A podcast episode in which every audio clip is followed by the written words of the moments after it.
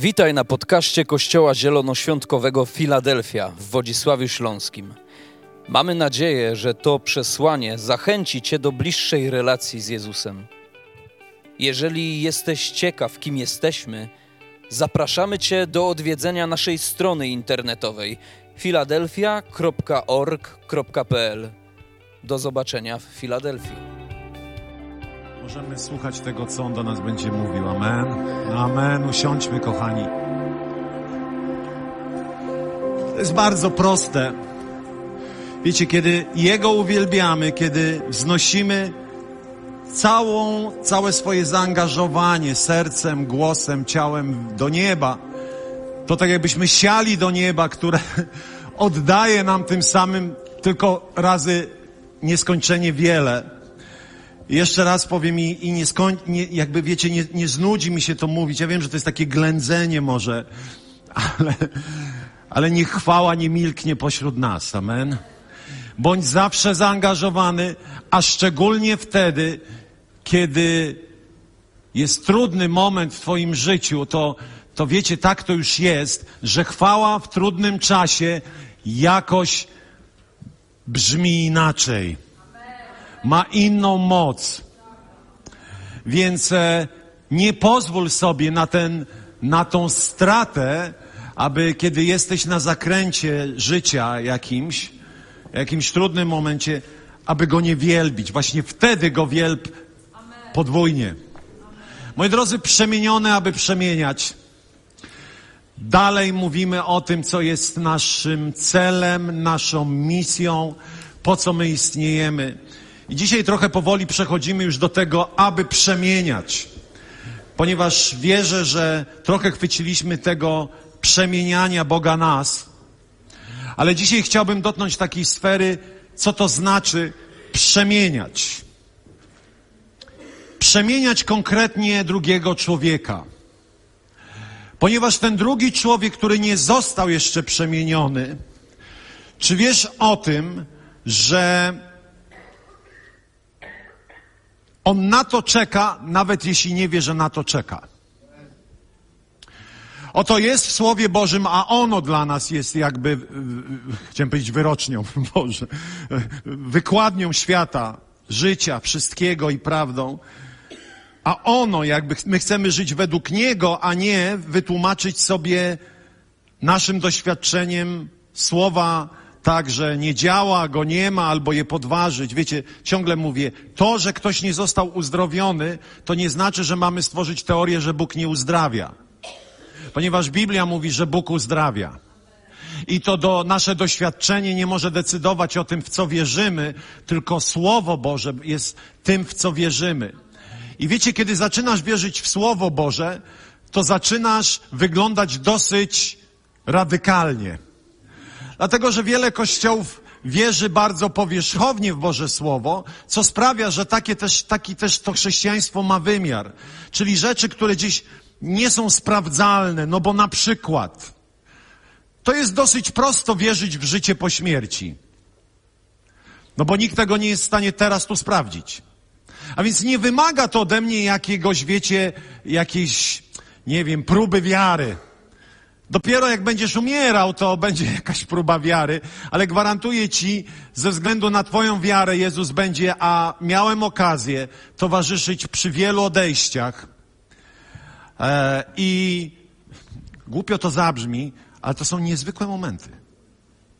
Kiedy Jezus, ja nie potrafię, wiecie, pamiętam, kiedy mój ojciec odchodził, to to pomieszczenie jakby było wypełnione Bożą chwałą i Bożą obecnością. I pamiętam, przyjaciółka rodziny podeszła i mówi, Panie Arku, ale tak głupio powiedzieć, tatuś tak pięknie w tej trumnie wygląda. To jest śmieszne, możecie się śmiać. Bo on odchodził w Bożej obecności na tamten świat. A więc aż tak bardzo, jako zbawieni ludzie, nie musimy się, e, nie musimy wierzyć w to, co po śmierci, bo to jest jakby wiara odsunięta w czasie. E, natomiast chcemy wierzyć w to, o czym Biblia mówi tu i teraz i chcemy rozwijać swoją wiarę. No właśnie w to, że Bóg uzdrawia. Właśnie w to, że Bóg uwalnia. właśnie w to, że Bóg leczy ciało, duszę, że Bóg swoją światłością wszędzie tam wchodzi, gdzie jest ciemność. Uwalnia zniewolonych, uzdrawia chorych, dokonuje cudownych zaopatrzeń, po prostu działa w codzienności. I ja chcę w to wierzyć i ja w tym się chcę rozwijać. Dlatego głęboko wierzę, że cały świat czeka na to, abyśmy do nich poszli. I dzisiaj rzucę wam to śmiałe wyzwanie, także sobie, chociaż myślę, no, niech będzie mnie, mnie też, żeby nie było, że ten lepszy. Zobaczcie, co jest napisane w Rzymian 8:18. Uważam przy tym, że teraźniejsze cierpienia nic nie znaczą w porównaniu z chwałą, która ma się objawić. Taka dygresja niezwiązana z tym, co, o czym dzisiaj będę mówił. Te chwilowe, tymczasowe cierpienia, pada takie zna, zdanie. Moi drodzy, żyjemy w epoce i w kulturze, która unika wszelkiego rodzaju bólu. To unikanie wszelkiego rodzaju bólu jest tak powszechne, że sprawia, że powstają kolejne generacje ludzi, którzy nie radzą sobie z życiowym bólem. Ponieważ tak jak życie w Chrystusie jest piękne, tak jak każde życie na niedoskonałej ziemi posiada pewne bóle. I nie da się żyć w pełni, unikając bólu. Wiecie, w ogóle pisze się, wczoraj byłem w Empiku, oglądałem książki i wiecie, masę książek właściwie, które próbują opowiedzieć nam, jak żyć wspaniałym życiem bez Boga. I problem polega na tym, że my też czasami w to wierzymy i dajemy ludziom spokój. Bo myślimy, że on, że za chwilę do tego dojdę, ale bardzo często ludzkości wydaje się i też religia się ku temu mocno przyczyniła, że Pan Bóg nie jest im potrzebny do szczęścia. Dosłownie, do szczęścia.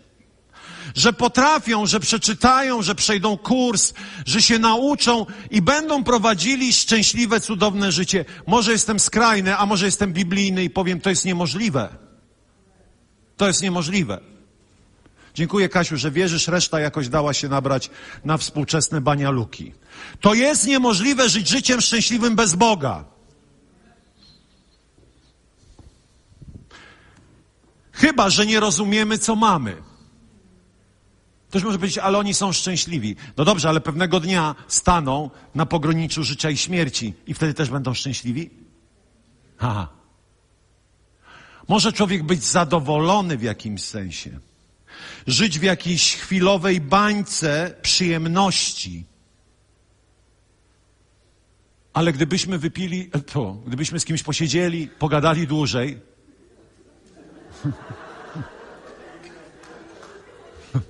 Boże. Stara natura, stara natura jeszcze się odezwała. Chciałem wypi- powiedzieć, nie, nie, nie, nie chcecie wiedzieć, co chciałem powiedzieć. Panie nasz, ratuj mnie, bom człowiek grzeszny. Dobrze. E, a więc musimy zrozumieć, i za chwilę powiem co, że teraźniejsze cierpienie nic nie znaczy w porównaniu z chwałą, która ma się nam objawić. Co to jest chwała, inaczej mówiąc? Chwała to jest piękno Bożej obecności, w którym będziesz zanurzony, którego doświadczysz. I teraz słuchajcie, to jest kluczowy werset. Bo stworzenie, i to jest Słowo Boże. I wiecie, musimy, nie możemy aż tak bardzo, albo w ogóle nie kierujmy się swoją opinią, ale zastanówmy się, czy ona jest zgodna ze Słowem Bożym. Bo stworzenie z tęsknotą oczekuje objawienia się synów Bożych. Czyli ciebie i mnie. Jeszcze raz. Bo stworzenie z tęsknotą oczekuje objawienia się synów Bożych. Idziemy dalej.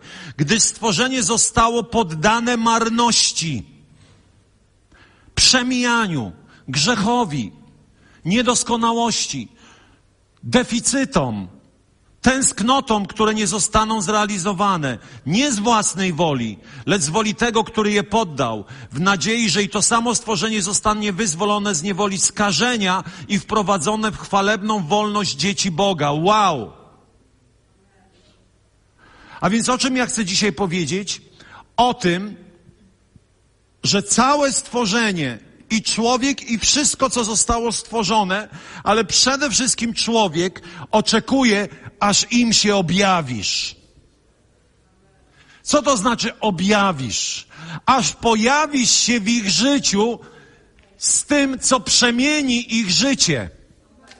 Amen. Jak skończę kazanie, to będziemy tak wszyscy klaskać, że tu normalnie pioruny z nieba będą lecieć. Moi drodzy, oni czekają, choć nie wiedzą, że czekają.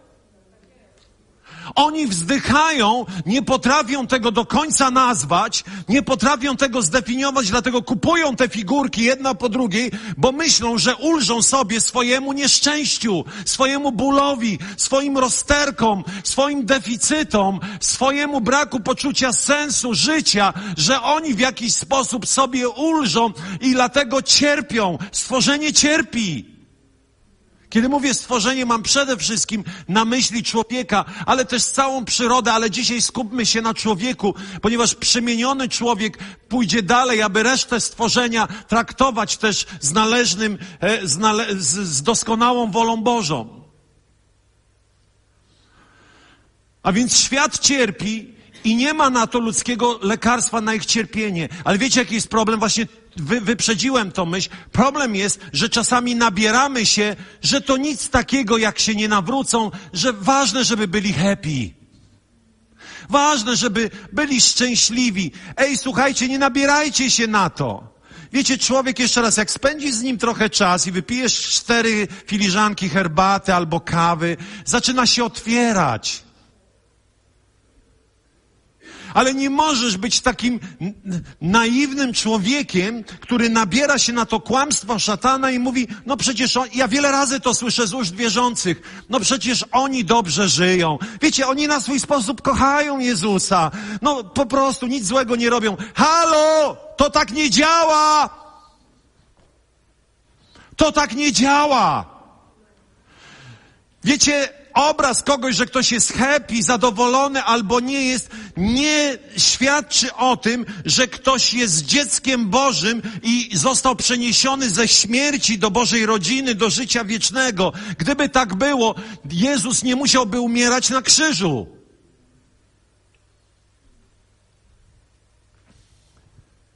Największym w mojej ocenie wyzwaniem dla nas jest zrozumienie, że nie ma innej opcji dla ludzkości jak Ewangelia Jezusa Chrystusa. To nie jest wybór, to jest jedyna odpowiedź na wszelki ból, wszelki deficyt, wszelką katastrofę współczesnego świata. Nie możemy, nie możemy próbować rozwiązać problemów, ludzkości bez Boga, który stworzył tą ludzkość. Nie możemy rozwiązać swojego problemu bez Stwórcy, który mnie stworzył, ponieważ On wie, co jest dla mnie najlepsze i leczące. Jaka droga dla człowieka, ponieważ on zna mnie i rozumie, mówi jeden psalm, i wie, co we mnie jest, wie, kiedy wstaje, kiedy kładę się. On jest moim stwórcą, twórcą i on wie, jak najlepiej ulżyć cierpieniu mojej duszy. Niestety człowiek, także wierzący, człowiek nabiera się na taką doktrynę, na przykład doktrynę postępu. Słyszeliście o doktrynie postępu? To wam opowiem. Doktryna postępu powstała chyba gdzieś w koniec XVIII wieku. Nie musicie tego wszystkiego wiedzieć, ale doktryna postępu mniej więcej mówi tak, że człowiek bez Boga będzie coraz bardziej budował doskonałe i światłe społeczeństwo na podstawie nauki i będzie tylko lepiej i wszystkie zabobony, wszystkie, wiecie, takie historie nie mieszczące się w kanonie nauki muszą zostać odrzucone, a postęp będzie tylko ku doskonałej, świetlanej przyszłości. Tak. To jest teoria postępu. Potem pochwycili, przechwycili to komuniści i mówili o postępie klasy robotniczej, o postępie socjalizmu. Tak ta teoria postępu działa, że 40% niemieckiego społeczeństwa, 40% rodzin doświadcza przemocy domowej. Na zewnątrz wszystko wygląda dobrze. Pewnie w Polsce jest podobnie. Próbujemy budować świetlane, świetlaną przyszłość, próbować sobie radzić z różnymi problemami bez tego, który stworzył tą ludzkość i który ma odpowiedź w Ewangelii Jezusa Chrystusa na wszystkie problemy ludzkości. I ty i ja nie możemy myśleć inaczej, że jest jakaś inna droga, która pomoże ludziom rozwiązać problemy życia, śmierci, ziemi, nieba, piekła. Nie ma. I oni wszyscy czekają na nas. Oni wszyscy czekają na objawienie się synów Bożych, czyli Ciebie i mnie. To jest jedyna odpowiedź dla człowieka. Kiedy uświadomisz to sobie, to nie odpuścisz. Nie w tym sensie, że będziesz nachalnym ewangelizatorem biednych ludzi, wiecie, naciskasz im y, y tym y, kolanem na szyję, nawróć się do Jezusa. Nie to chcę powiedzieć. Ale chcę powiedzieć, że, że zaczniecie to wszystko na litość boską obchodzić.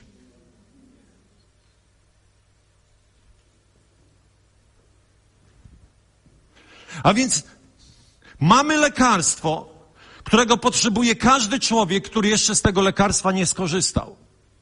Znaczna część ludzkości skorzystała.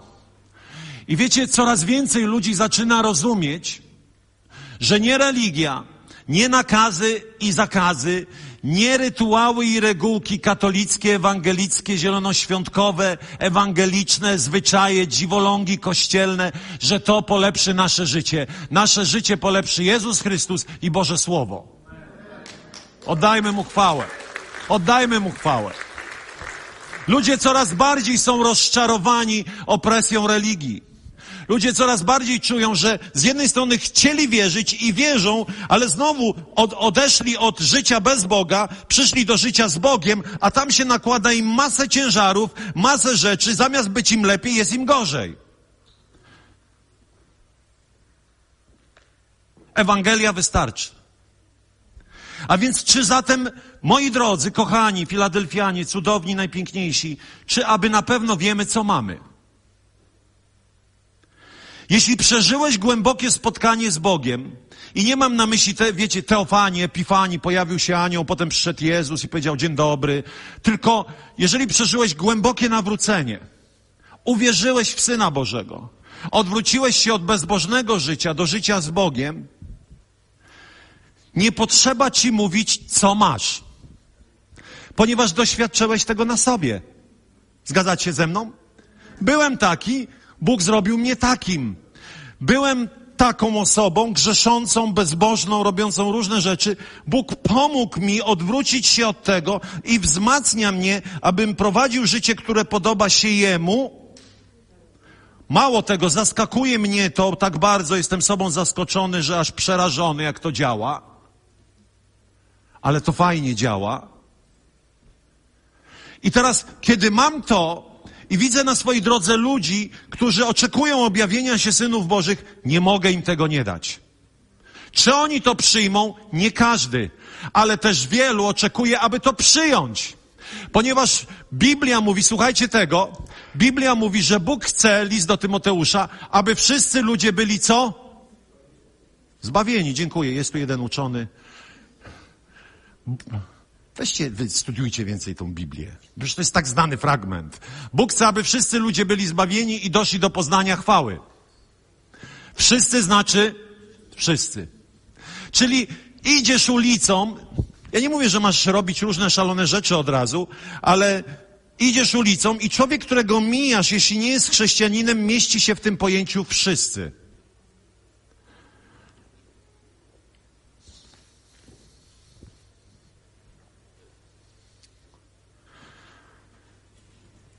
Ewangelia jest tak prosta, że czasami nawet dla nas może się wydawać zbyt prosta, aby mogła dosięgnąć każdego człowieka.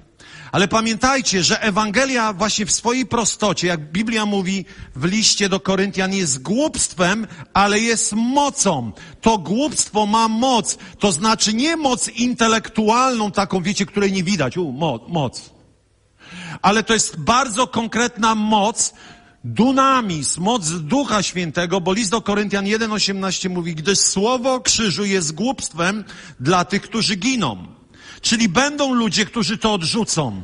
Będą ludzie, którzy pójdą na zatracenie. To jest niestety smutna prawda, ale prawda też jest taka, że trzeba odrzucić teologię maleńkiej trzutki, w którą nikt w, na półkuli południowej prawie nie wierzy, a na półkuli południowej, czyli od równik, równik, od równika na południe jest totalne przebudzenie.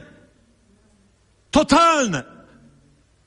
Monia była, ja byłem. Jedźcie ludzie do Afryki, to zobaczycie, co Bóg czyni. Jedźcie do Chin, jedźcie do Singapuru, jedźcie do, do, do, do Malezji, jedźcie do Indonezji, jedźcie do Brazylii, do Argentyny, do Chile, do Peru, do Meksyku, jedźcie nawet do Stanów Zjednoczonych. Jedźcie do Francji. Jedźcie do Rumunii. Jedźcie na Ukrainę. Siedzimy w swoim kraju i mamy założone fałszywe okulary, które mówią nam, o, na tym świecie zostało paru, trochę jeszcze gdzieś indziej i my. I wierzymy w kłamstwo. Tak, niektórzy ludzie się nie nawrócą. Ale wiemy też, że Bóg przygotował totalne przebudzenie, totalne, ja w to wierzę, nawet w trumnie będę w to wierzył, nawet tam, po tamtej stronie to już nie trzeba będzie w to wierzyć, ale ja wierzę które, w, to, że zanim Jezus przyjdzie jeszcze raz nawiedzi ziemię i przygotuje Kościół w jakości, jakiej nie był znany, ponieważ Biblia mówi, że jego oblubienica się przygotowała i będzie piękna, bez zmazy i skazy, jak powiedział kiedyś pastor Adam Piątkowski, ciało będzie proporcjonalne do głowy, jaką jest Jezus Chrystus, a nie będzie takim malutkim tułowiem. Wyobraźcie sobie, Jezus jest wielki, a takie malutkie ciało i takie łapeczki jak u jaszczurki. To tak nie będzie. Ale ty może w to wierzysz, dlatego to, co wierzymy, to mamy. To zawsze tak działa. Jest mocą. Jest mocą jest mocą Bożą dla tych, którzy dostępują zbawienia. A więc kiedy człowiek przyjmuje do swojego życia Jezusa, wierzy, że zmarł na krzyżu, to nagle uwalniana jest moc krzyża i zmartwychwstania do przemiany życia tego człowieka. I teraz, kiedy tego doświadczyłeś, to rozumiesz, że nie możesz tego ukrywać, bo trzymasz dynamit, który przemieni drugiego człowieka. Nie możemy, powiedział Reinhard Bonke, niegłoszenie Ewangelii jest trzymanie cudownego leku zamkniętego w apteczce w, w, w sytuacji, gdzie wokół stoją sami chorzy i czekają na cudowny lek. Bo o tym dzisiaj mówimy. Podczas gdy Żydzi znaków się domagają, Grecy szukają mądrości. My głosimy Chrystusa ukrzyżowanego.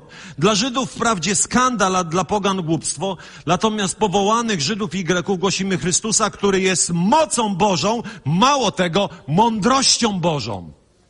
A więc zobaczcie, w Chrystusie i w Ewangelii jest moc Boża, która transformuje życie człowieka, która dewastuje wszelkie dzieła diabła która zajmuje się Jego wiecznością, ale też w dużej części teraźniejszością, choć jeszcze nie na 100%.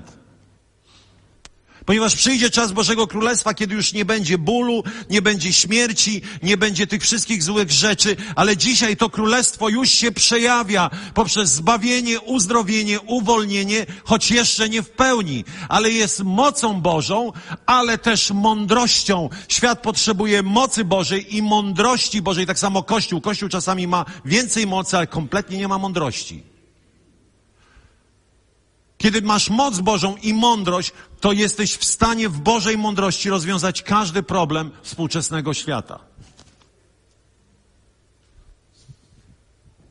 Ale to jest dobre. Wow. Ludzie są jak małe dzieci, wolą chorować niż wziąć lekarstwo. Bardzo mało jest świadomych pacjentów w tej klinice Ducha Świętego. Ponieważ myślą, że Jezus to to, co już mieli ponieważ myślą, że Jezus to te wszystkie schematy i rytuały. I jedyną drogą, aby ich z tego wyprowadzić, jesteś Ty. Poprzez to, co mówiłem tydzień temu, okażesz im miłość. Wtedy coś zaskoczy. A, to jednak nie to. Bo tamci to tak mnie nawracali, że mnie zwyzywali. A ten mi służy, mi pomaga. Jednak są, jest ich coraz więcej, małych pacjentów, którzy mówią: podaj mi to lekarstwo. I nie ma nic piękniejszego, jak to, o czym mówi Biblia. Przemienianie ludzi przez Ewangelię jest napisane, o jakże piękne są nogi tych, którzy zwiastują dobrą nowinę. Nie wiem dlaczego, no aha, nogi, no bo to trzeba iść. Nogi. Spójrz na swoje nogi i powiedz, nogi bądźcie piękne, idziemy.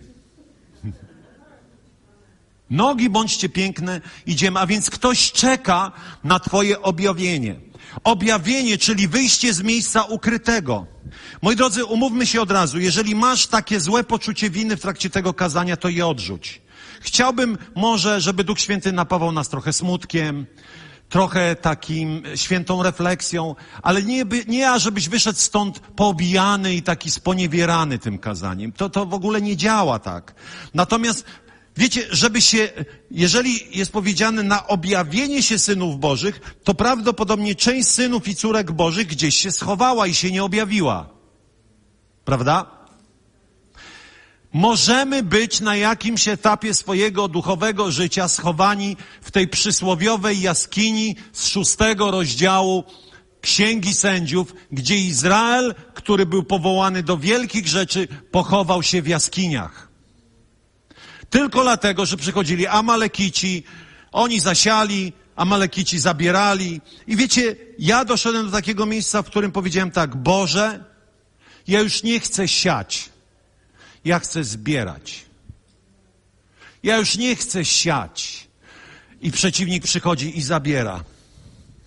Wczoraj miałem seminarium w Jastrzębiu Zdroju. Będę trochę szyfrem mówił, bo leci online, nie chcę nikogo obrażać. Ale wiecie, ile ja się to nasłuchałem tekstów. Bracie, Polska jest tak inna, religia jest tak silna, tu nic się nie zmieni. My Polacy, tak się zmieniło, że 40% ludzi przestało chodzić do kościoła. Jeszcze dwa lata temu, trzy lata temu ludzie mi mówili, nic się nie zmieni. Jesteśmy tacy mali, jesteśmy tacy słabi, nie mamy żadnych szans. To mówili liderzy często wspólnot. Pochowani w jaskiniach. Jak ktoś nowy przyszedł, to halo. Boże, co z tym teraz zrobić? Ktoś nowy przyszedł. O ratunku, ola Boga. My nie potrafimy zachować się wobec ludzi niewierzących. To tak bardzo wchodzi bardzo często w, w, w, umysły wielu ludzi, że czasami, kiedy ktoś chce przyjść, pyta się mnie, czy może tu przyjść. Zapraszamy drzwiami, oknami, ale wiecie, często kościoły są tak bardzo pochowane w swoich malutkich jaskinkach, ciasnych umysłach, folklorystycznych zwyczajach, drobiazgowości, małostkowości i formie sprzed stu tysięcy lat przed dinozaurami i dziwią się, że nikt nie przychodzi. No bo się schowali.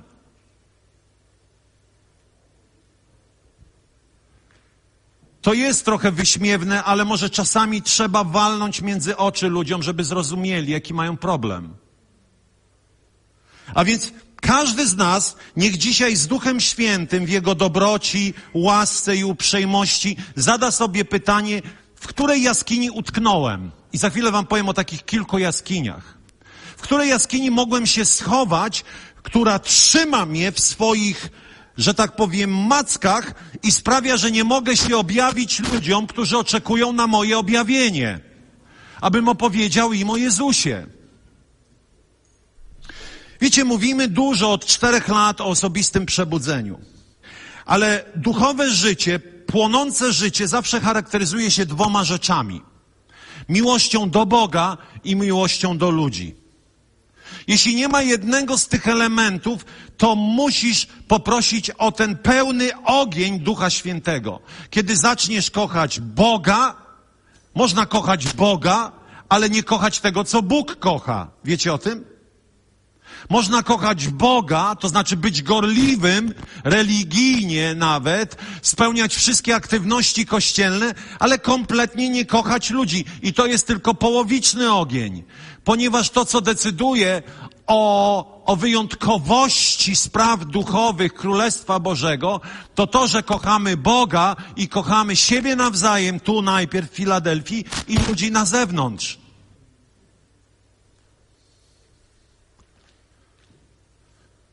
A więc to są dwa składniki, tak ogólnie ujmując, tego ognia osobistego, płonącego, e, tego ognia przebudzenia, które płonie we mnie. A więc co to jest jaskinia? W jakiej jaskini mogę być przez ten czas, że ludzie, a, że, że nie objawiam się ludziom z Ewangelią? Ja mam taką prośbę, jak głoszę, to czy, czy można nie wychodzić i wchodzić? Bo to jest bardzo rozpraszające. Moi drodzy, po pierwsze, to miejsce strachu. O, to u mnie?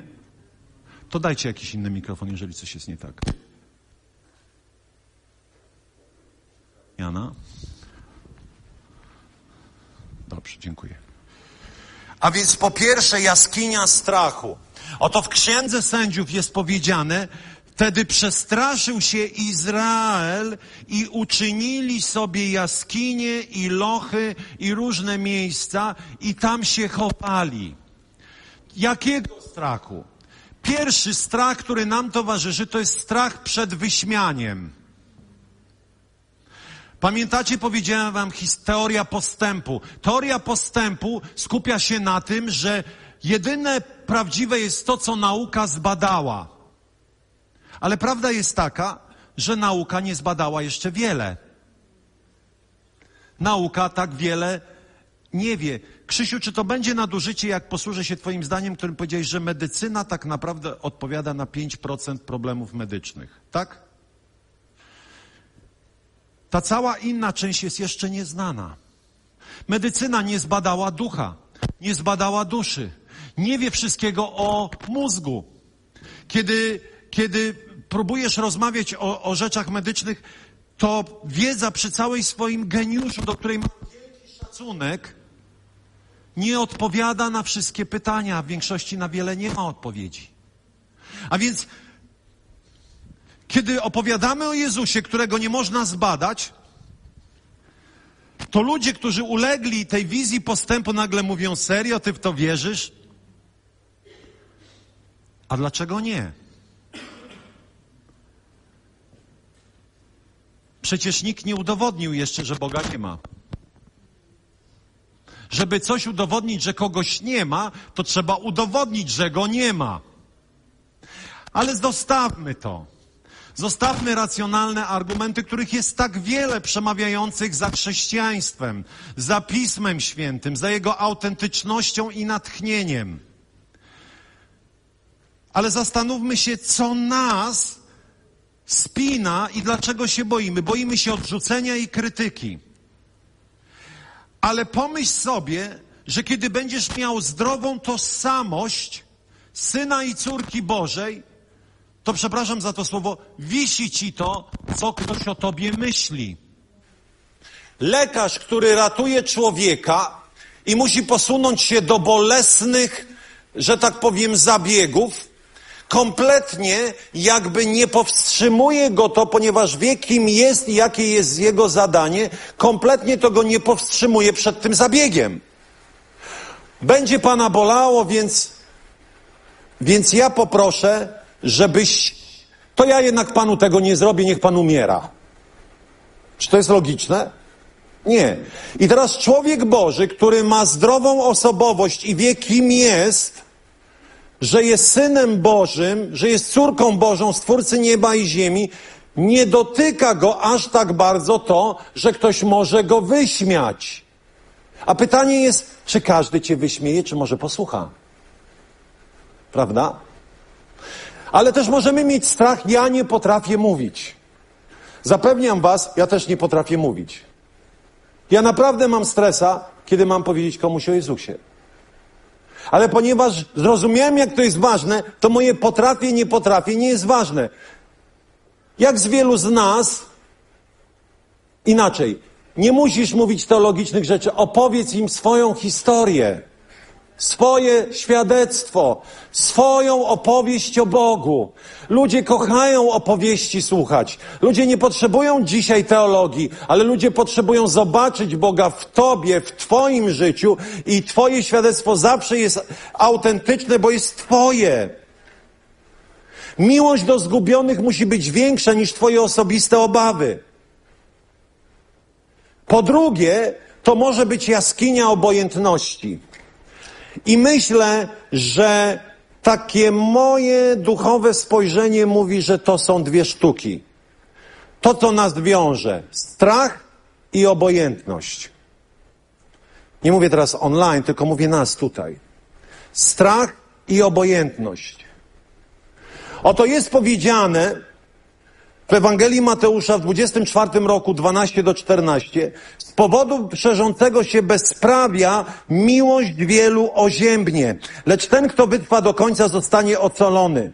A dobra nowina o królestwie zostanie rozgłoszona, pamiętacie to, co powiedziałem, po całym zamieszkałym świecie na świadectwo wszystkim narodom i wtedy nadejdzie koniec. Czy koniec nadejdzie jutro? Nie. Czy koniec nadejdzie za miesiąc? Nie. Skąd wiesz? Bo Ewangelia o Królestwie nie jest głoszona jeszcze wszystkim narodom. Nie jest głoszona w Arabii Saudyjskiej, nie jest głoszona w Emiratach, nie jest głoszona w Kuwejcie, nie jest głoszona jeszcze w wielu miejscach na świecie, a więc tak bardzo nie ekscytujmy się tym, że Jezus przyjdzie, bo jeszcze nie przyjdzie. Ale to, co poprzedza Jego przyjście, to to, że miłość wielu oziębnie. Że ludzie staną się sobie obojętni. I tu jest mowa o wierzących, tu nie jest mowa o niewierzących. Tu jest mowa o nas, którzy patrzą na ludzi, których mijają każdego dnia i czują do nich jedno obojętność. Ale wiecie, ta obojętność często zaczyna się od tego, że jest mi obojętne, co dzieje się z moimi bliskimi. Przyzwyczaiłem się, że nie są zbawieni. Zaakceptowałem ten fakt. Nie bądź obojętny. Walcz w modlitwie. Nie pozwól, aby twoje dzieci, twoja rodzina, twój mąż, twoja żona po prostu stały się dla ciebie w tym obszarze obojętne. Jakiś amen. Wiem, to ciężki kaliber, ale on jest przemieniający. Po trzecie, naszą pieczarą, z której musimy wyjść, może być błędna teologia. Ponieważ właśnie uwierzyliśmy, że ludzie nie chcą słuchać, że będzie tylko gorzej, że będzie tylko jakaś święta resztka zapaleńców, że będzie tylko nas paru, ale jeszcze raz odwo odwo odwołam się do tamtego wersetu. Ewangelia o Królestwie będzie głoszona po całej ziemi. Oto jest napisane ten słynny fragment w objawieniu Jana, że w niebie były tłumy, których nikt nie mógł zliczyć. Jeszcze raz zadam pytanie, które zadaję. Na litość boską, jak oni się tam znaleźli? Skoro miała być święta resztka. Gdyby była święta resztka, to Jan spojrzałby i powiedział, o kurczaki, nie wyszło. Poszedł na krzyż za paru. O, bolesne, taka kiepska ta misja się, się wydarzyła. Nieudana. Zbawił tylko paru. Przybity został do krzyża za paru. I wiecie, niebo zostało przygotowane, te wszystkie autostrady, wisłostrady, pa, pałace kultury, te wieżowce, a tam paru. To taka dystopia, wiecie, to jakiś straszny film. Halo! Jasiu! Andrzej! Wojtek! Paru w tym niebie zostało. A tam jest napisane, że całe mnóstwo. Ale rozszerzyła się taka teologia rozszerzyła się ta heretycka nauka, która sprawia, że ludzie poczuli się usatysfakcjonowani, że ich jest paru. A, no przecież wiadomo, w czasach ostatecznych paru będzie. To jesteś ty, ty, ty i ja. Super. Zamykamy kościół na spust, na, na cztery spusty, niech tu nikt nie wchodzi, zostało nas paru.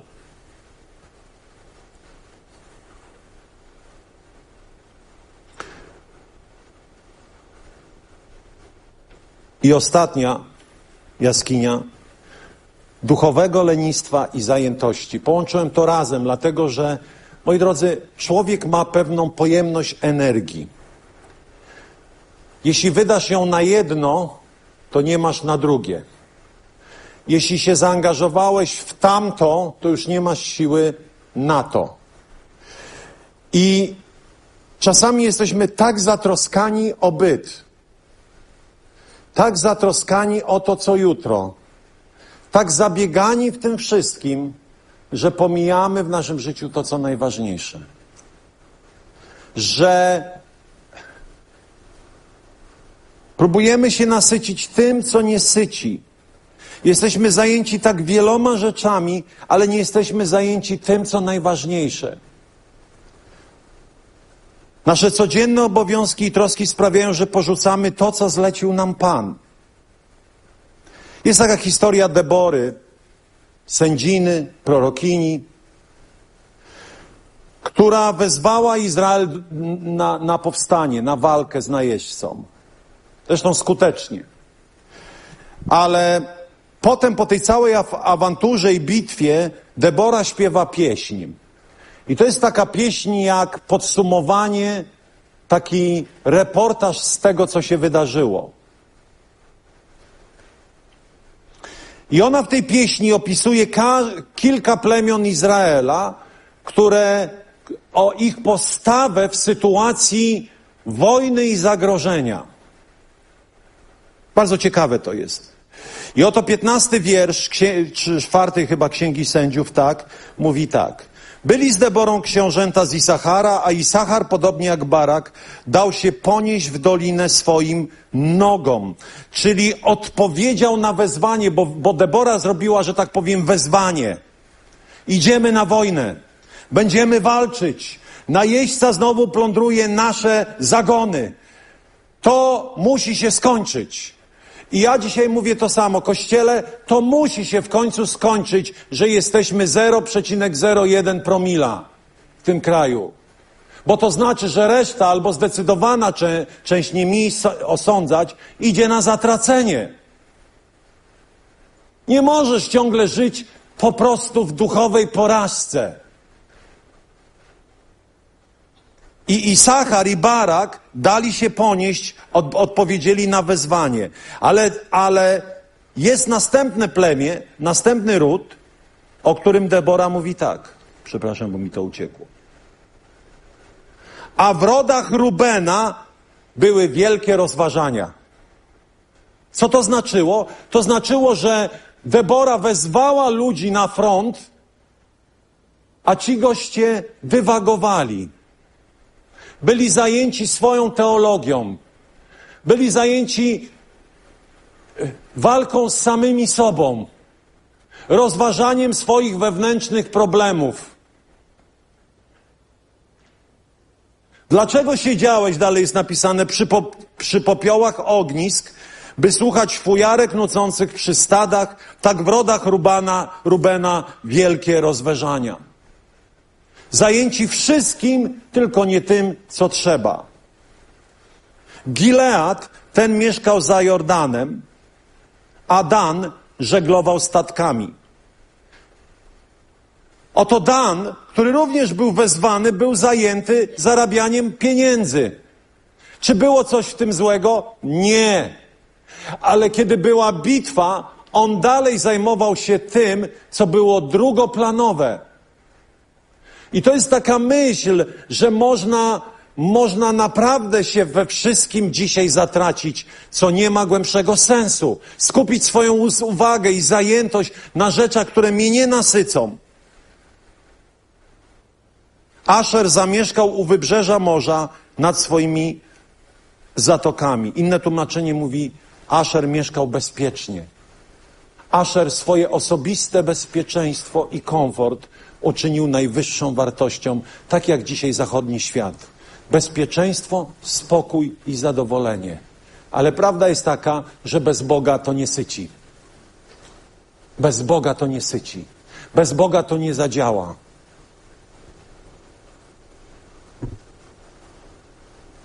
Ale są wspomniani dwaj kolejni. Zebulon to lud, który nie bał się śmierci. A Naftali, gdy przyszedł, a Naftali, gdy przyszedł z wyżyn swoich i pól.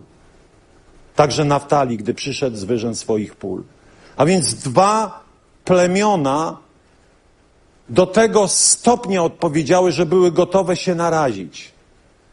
I moją modlitwą jest to, abyśmy ciesząc się z tych wszystkich dobroci Pana Boga, rozumieli, że każdy na tej sali ma misję przemienienia człowieka, którego Bóg postawi na Twojej drodze. Być może jednego na całe życie, być może dwóch, a być może stu. Ale nie pozwól sobie na to, żebyś dalej był w tej jaskini. Zacznij, nie zaczynaj od zrywów i akcji. Zacznij od tego, że przemienianie uczynisz swoim stylem życia.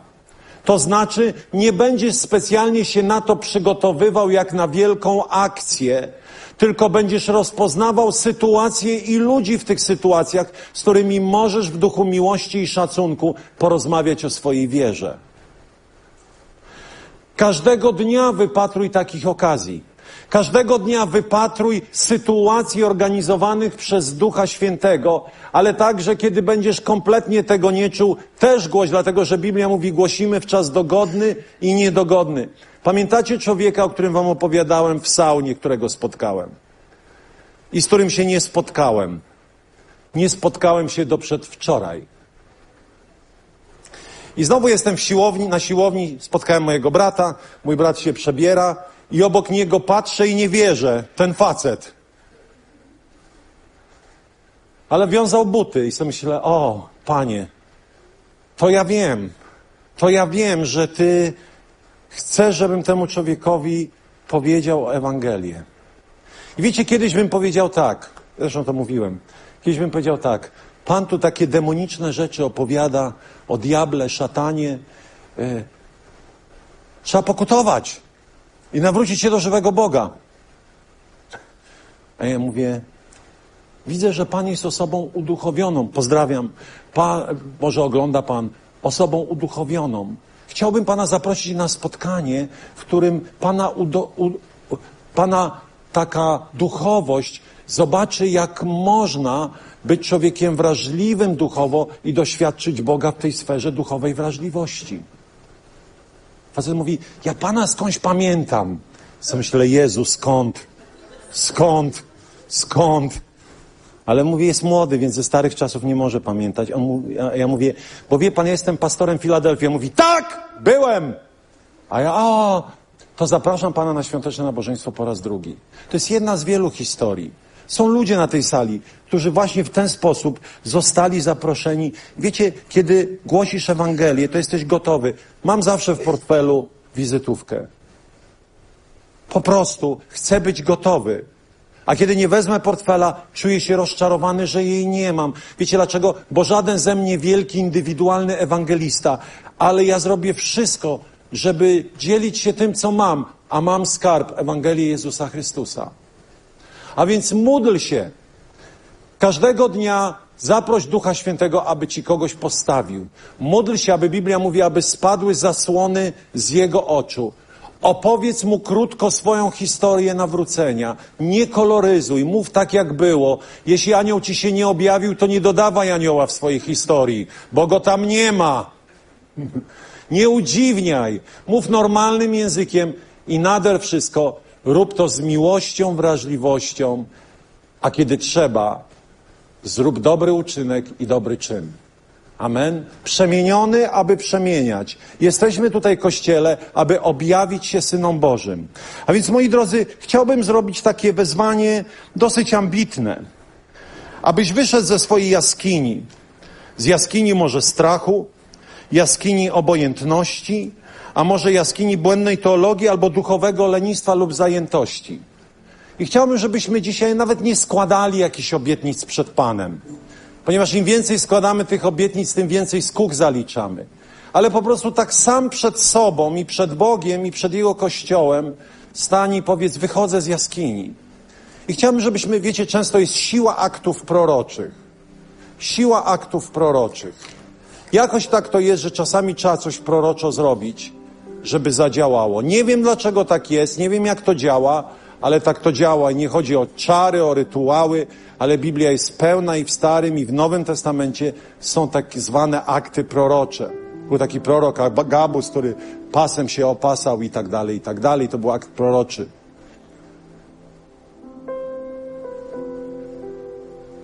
Miejmy teraz tą świętą refleksję. Chciej wyjść ze swojej jaskini i Bądź ze sobą dzisiaj szczery, ale bądź też zdeterminowany. I wierzę, że coś Bóg chce w nas uczynić. Ponieważ, moi drodzy, jest czas dla Polski. Za mojego życia być może już takiego czasu nie będzie, ale jest czas dla Polski.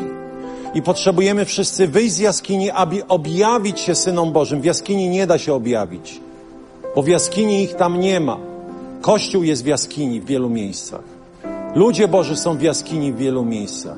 I chciałbym dzisiaj, abyś tak proroczo wyszedł z tej jaskini i podszedł tutaj pod scenę, abym mógł się z Tobą pomodlić, Cię pobłogosławić. Abyś wyszedł na żniwo, aby przemieniać, aby przemieniać, aby być tym, który żyje tym przemieniającym działaniem względem innych ludzi. Powstańmy Kościele. I dzisiaj chciałbym Cię zaprosić. Podejdź pod scenę. Jeśli się wstydzisz, zostań niewolnikiem swojego wstydu. Ale jeżeli jesteś niewolnikiem, jeżeli chcesz być tym, który wyrwie się z tych różnych kajdanów lęku, to podejdź tutaj. Śmiało zapraszam. Śmiało zapraszam. Wyjdź z jaskini. Przestań się ukrywać. Przestań się wstydzić, przestań się bać, przestań być zagoniony, przestań być zarobiony, przestań być e, taki ukryty. Wyjdź ze swojej jaskini. Śmiało, śmiało, śmiało, śmiało. Jest jeszcze więcej osób, które toczą bitwę. Nie trzeba być wielkim prorokiem, aby wiedzieć, jak bardzo toczymy swoje bitwy. Chodźcie jako rodzina, jako bliscy. Chodźcie tutaj, podchodźcie, zrywajcie te kajdany. A niech zespół prowadzi nas w uwielbieniu dalej. A my będziemy sobie usługiwać. Stań przed Bogiem i powiedz dosyć chowania się, dosyć milczenia, dosyć tego, żeby ludzie musieli się tylko domyślać, kim jestem. Bóg będzie się poruszał pośród nas. Bóg będzie się poruszał pośród nas. Bóg będzie poruszał się pośród nas. Chciałbym, żeby do każdej osoby podszedł lider, stanął. Do każdej osoby, aby podeszła jedna osoba. Będziemy modlić się teraz.